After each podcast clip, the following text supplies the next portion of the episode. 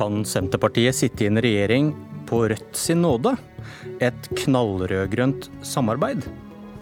Vidar Helgesen vil gjerne fortsette i regjering, så Senterpartiet slipper å ta det valget. Vil klimameldingen kunne hjelpe ham med det, når velgerne får se den?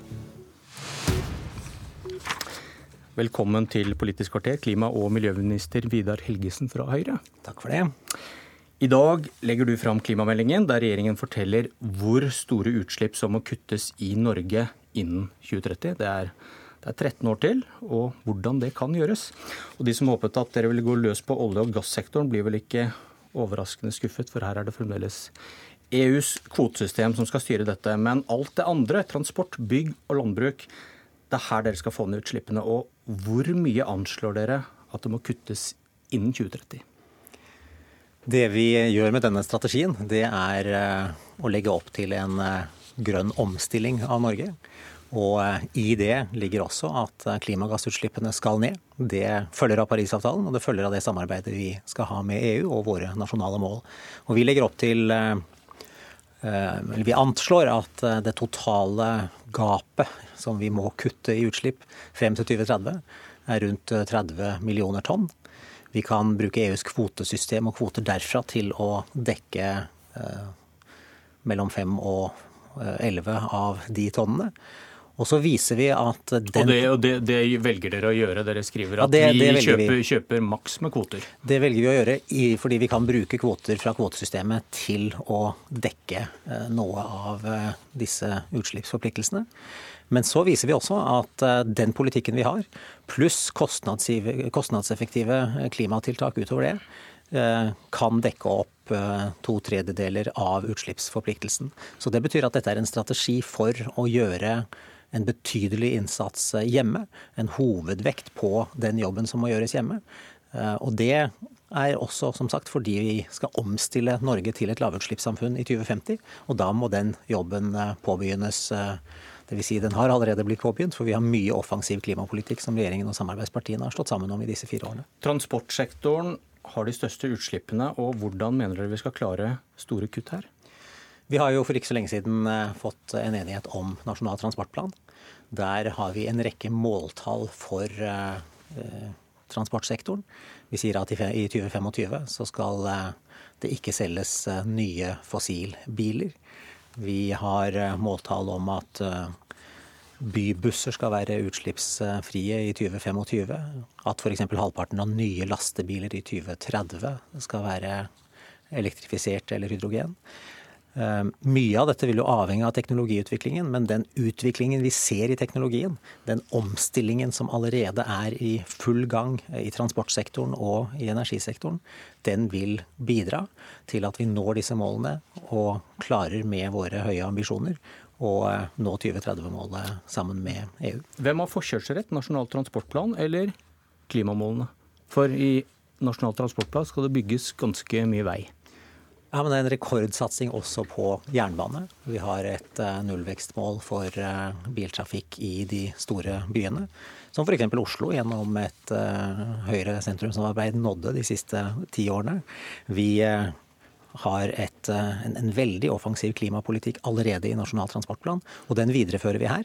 Og Det er den som ligger til grunn for at vi kan slå fast at vi har et arbeidsmål for kutt i transportsektoren på 35-40% for 2030. Men det er fremdeles eh, flest uh, bruktbiler, vel? Og disse, hvis du kjøper en ny elbil, så blir det en bensinbil som blir en bruktbil og de er i flertall fremdeles. Ja, Vi kommer ikke til å forby bensinbiler. Vi kommer ikke til å legge hovedvekten her på restriktive tiltak som skal gjøre hverdagen vanskeligere for folk.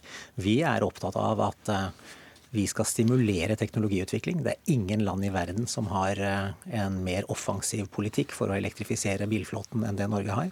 Og den gjør store fremskritt. Men du er avhengig av en veldig rask utskiftningstakt der, er du ikke det? Og du lener deg på teknologien og håper mer enn du har virkemidler til å nå målet? Vi har en politikk for å få teknologiskiftet til å gå raskere. Og vi har ny politikk som er vedtatt i forbindelse med Nasjonal transportplan, som eh, kommer til å ta oss enda lenger. Og så sier vi at det er eh, usikkerhet både om tempoet i teknologiutviklingen om effekten av ulike utslippstiltak. Men vi har en strategi nå som viser eh, at vi har flere tiltak å spille på. Vi kan overoppfylle målene om eh, alle tiltakene settes inn. Og Det betyr at vi har ting å spille på frem mot 2030. Og det er en veldig glad beskjed i denne meldingen. 2030-målene er ikke et luftslott, det er noe vi har en politikk for å nå okay. Eh, i den politikken regjeringen og samarbeidspartiene står sammen om. Du sier dere ønsker å kutte, kutte hjemme i Norge, men så, skriver, så begynte vi med å si at dere kjøper maks antall kvoter som dere får lov til i inngangen til dette nye systemet. Og så skriver dere at eh, hvis det viser seg da blir vanskelig å kutte nok her hjemme, sitat, dersom det blir nødvendig og viser seg å være kostnadseffektivt, legger regjeringen opp til at Norge også skal kunne benytte fleksibilitet i form av direkte kjøp av utslippsenheter fra andre land. Så også for landbruk og transport kommer dere til å kjøpe så mange klimakvoter dere bare kan, hvis muligheten byr seg. Nei, Det vi sier er at vi har politikk for å kutte opptil 35 millioner tonn hjemme. Behovet vårt for å kutte kan bli 20-25. Men så sier vi også at det er stor usikkerhet. Du sa selv at det er 13 år til 2030. Det er mange usikkerhetsfaktorer. Da er det viktig å ha en fleksibel strategi. Men den politikken vi allerede har vedtatt, kan altså ta oss til målet. Skulle utviklingen bli annerledes? Skulle utslippseffektene bli svakere? Skulle teknologiutviklingen bli langsommere, hvilket jeg ikke tror, så har vi også muligheten til å bruke eh, de fleksible mekanismene som kommer i det europeiske området. Men, Men den fleksibiliteten vi i dag vet om og kan være sikre på, det er nettopp den vi her sier at vi bruker. Men hvis det er, hvis det er uvesentlig, hvor, uh, uvesentlig for klimaet om kuttene kommer i Norge eller et annet sted, så er nasjonale mål ganske meningsløse? Nei, det er det ikke. Det er helt riktig at det er faktisk uh, uten betydning for klimaet om kuttene tas i Norge eller i Romania eller i Polen. Men det er ikke uten betydning for Norge. Hele verden beveger seg i grønnere retning. Vi ser en kjempesatsing på fornybar energi, på lavutslippsteknologi, på lavutslipp i transportsektoren. Men, men, da, blir det, da, men da blir det meningsløst å kjøpe så mye kvoter, hvis, hvis det er å gjøre andre land grønnere og ikke Norge. Så Nei, det er, sånn, er, det ikke en liten målkonflikt der? At hvis du tror på kvoter, at klimautslippene kan komme hvor som helst, da kan vi bare kjøpe oss fri, som, det, som noen sier, eller sørge for at utslippene kommer uansett. Hvis du kjøper kvoter, så hindrer du at Norge blir grønt. Det vi kunne, ja, det er nettopp det som var mitt poeng. At uh, For klima er det det samme. Men for mm. norsk konkurransekraft i fremtiden, en uh, global konkurranse hvor grønnere teknologi vinner igjennom Men da er det så, dumt å kjøpe kvoter. Da bør vi kutte alt hjemme. Men det er derfor vi kutter legger opp til og viser at vi kan gjøre en betydelig del av jobben hjemme. Og Det er derfor vi har en teknologisatsing som ingen land kan matche når det gjelder eh, elektrifisering av bilparken f.eks. Okay. Og Det er derfor vi sier i denne meldingen at dette er en omstillingsmelding. Det er en melding for omstilling av Norge til et eh, lavutslippssamfunn i 2050. Og dette er en strategi for hvordan vi skal eh, nå 2030 på veien til 2050. Djevelen ligger i detaljene, som kjent, og de får vi sånn i ellevetida. Takk, Vidar Helgesen. Nå skal vi snakke om hva som skjer hvis klimameldingen og resten av regjeringens politikk ikke faller i smak hos velgerne.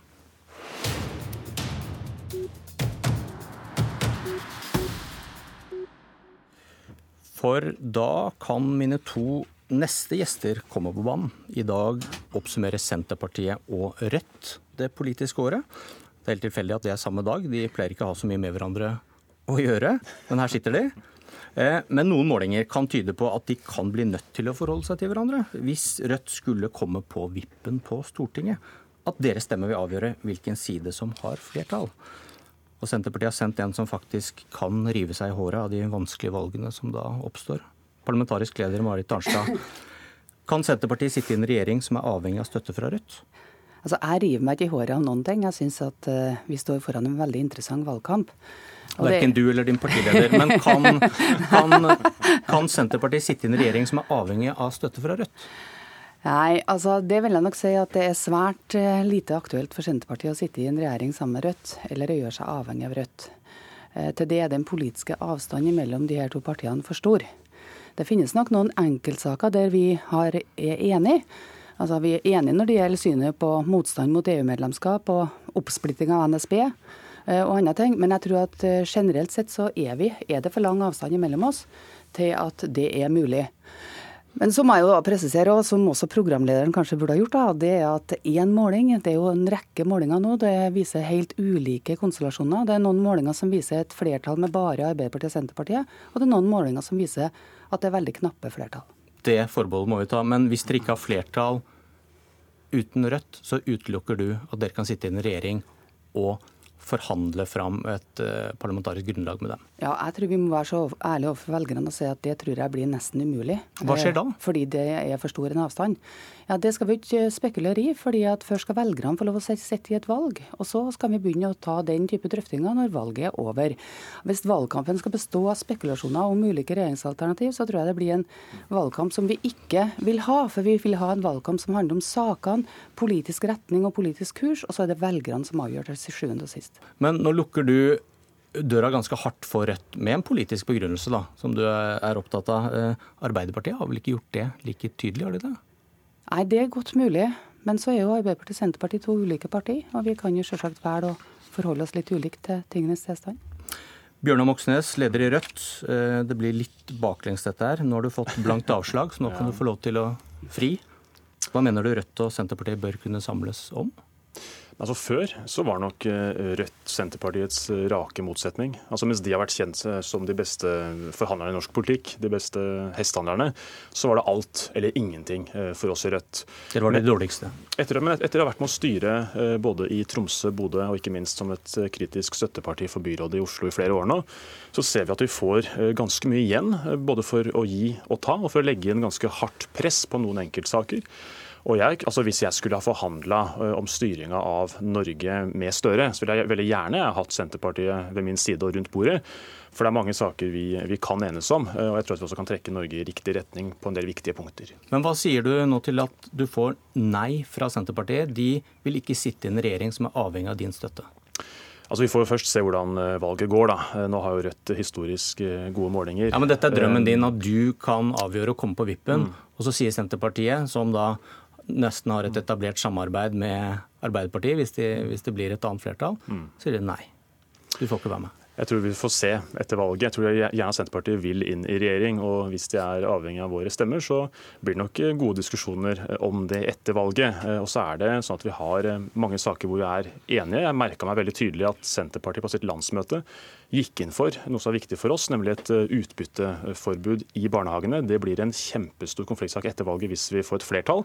Og Der vil altså Rødt sammen med Senterpartiet kunne eh, presse Arbeiderpartiet på et spørsmål som handler i bunn og grunn om vi skal sikre at eh, penger skatta til felles velferd går til det, og ikke til å fòre opp en hel kommersiell, skattefinansiert barnehageindustri. Det virker ikke som han hørte hva du sa? Nei, men altså, jeg, jeg har forståelse for at Rødt ønsker å på en måte eh, prøve å å komme i en posisjon der de også kan ha innflytelse på norsk politikk. Det har jeg selvsagt stor forståelse for. Og som sagt, ingenting er avgjort gjennom spekulasjoner før et valg. Alt avgjøres i valget. Men vil du heller ha Erna Solberg som, eh, som statsminister enn å gi Nei, altså, rett makt? Nett, nettopp den type spekulasjoner er på en måte eh, sånn som, vi, altså, som du ikke kan på en måte bedrive en valgkamp med. Eh, det finnes mange ulike mindretallskonstellasjoner i norsk politikk, men la oss nå ta den debatten etter valget. Men allikevel så sitter du og sier nei ja, til Rødt, så det fordi, er jo en del av det samme spillet du forakter, da? Nei, jeg prøver bare å være oppriktig og si at den politiske avstanden nok er for stor. Eh, både når det gjelder synet på privat eiendomsrett, når det gjelder synet på økonomisk politikk, når det gjelder synet på Nato-medlemskap. Der er det lang avstand mellom Rødt og Senterpartiet, og det kan vi ikke underslå overfor velgerne. og Det er det vi prøver å si i dag. Så er det også riktig at det er noen saker der Rødt og Senterpartiet har enkeltsaker der Rødt og Senterpartiet har, eh, er enige. og Jeg har nevnt to av dem. EU-medlemskap og også privatiseringa av jernbanen. Det er to saker der vi må kjempe sammen hvert fall vår dør står åpen. Det kan jeg si, og Så raus skal vi være. Og så skjønner vi at vi vil jo ikke få gjennom eh, absolutt alt som står i vårt program hvis vi skal samarbeide med, med en regjering utgått av Arbeiderpartiet. Føler du at du har fått andre signaler fra Støre enn du får fra Arnstad nå? Eh, det kommer litt blanda signaler, og det er vel et tegn på at ingen ønsker å låse seg eh, før valget. Men jeg er helt sikker på at hvis vi får et flertall etter valget, hvor Rødt er en nødvendig del av flertallet, så er Senterpartiet og Arbeiderpartiet nødt til å ta en prat med oss eh, for å prøve å sikre seg støtte til en, en ny regjering. Så jeg blir ikke så veldig bekymra over det som kommer fram i dag tidlig. Eh, det vil nok være litt andre toner fra Senterpartiet og Arbeiderpartiet etter valget, når de da ønsker å komme seg inn i regjering, og i så fall også trenger våre stemmer for å eh, sørge for å ha et stabilt flertall bak seg i Stortinget. Politisk kvarter avslutter med et eh, blekt smil fra Arnstad til den siste Bjørnar Vakte sa. Nei, det var ikke blekt. Da tar vi helg. Politisk kvarter er slutt. Jeg heter Bjørn Myklebust.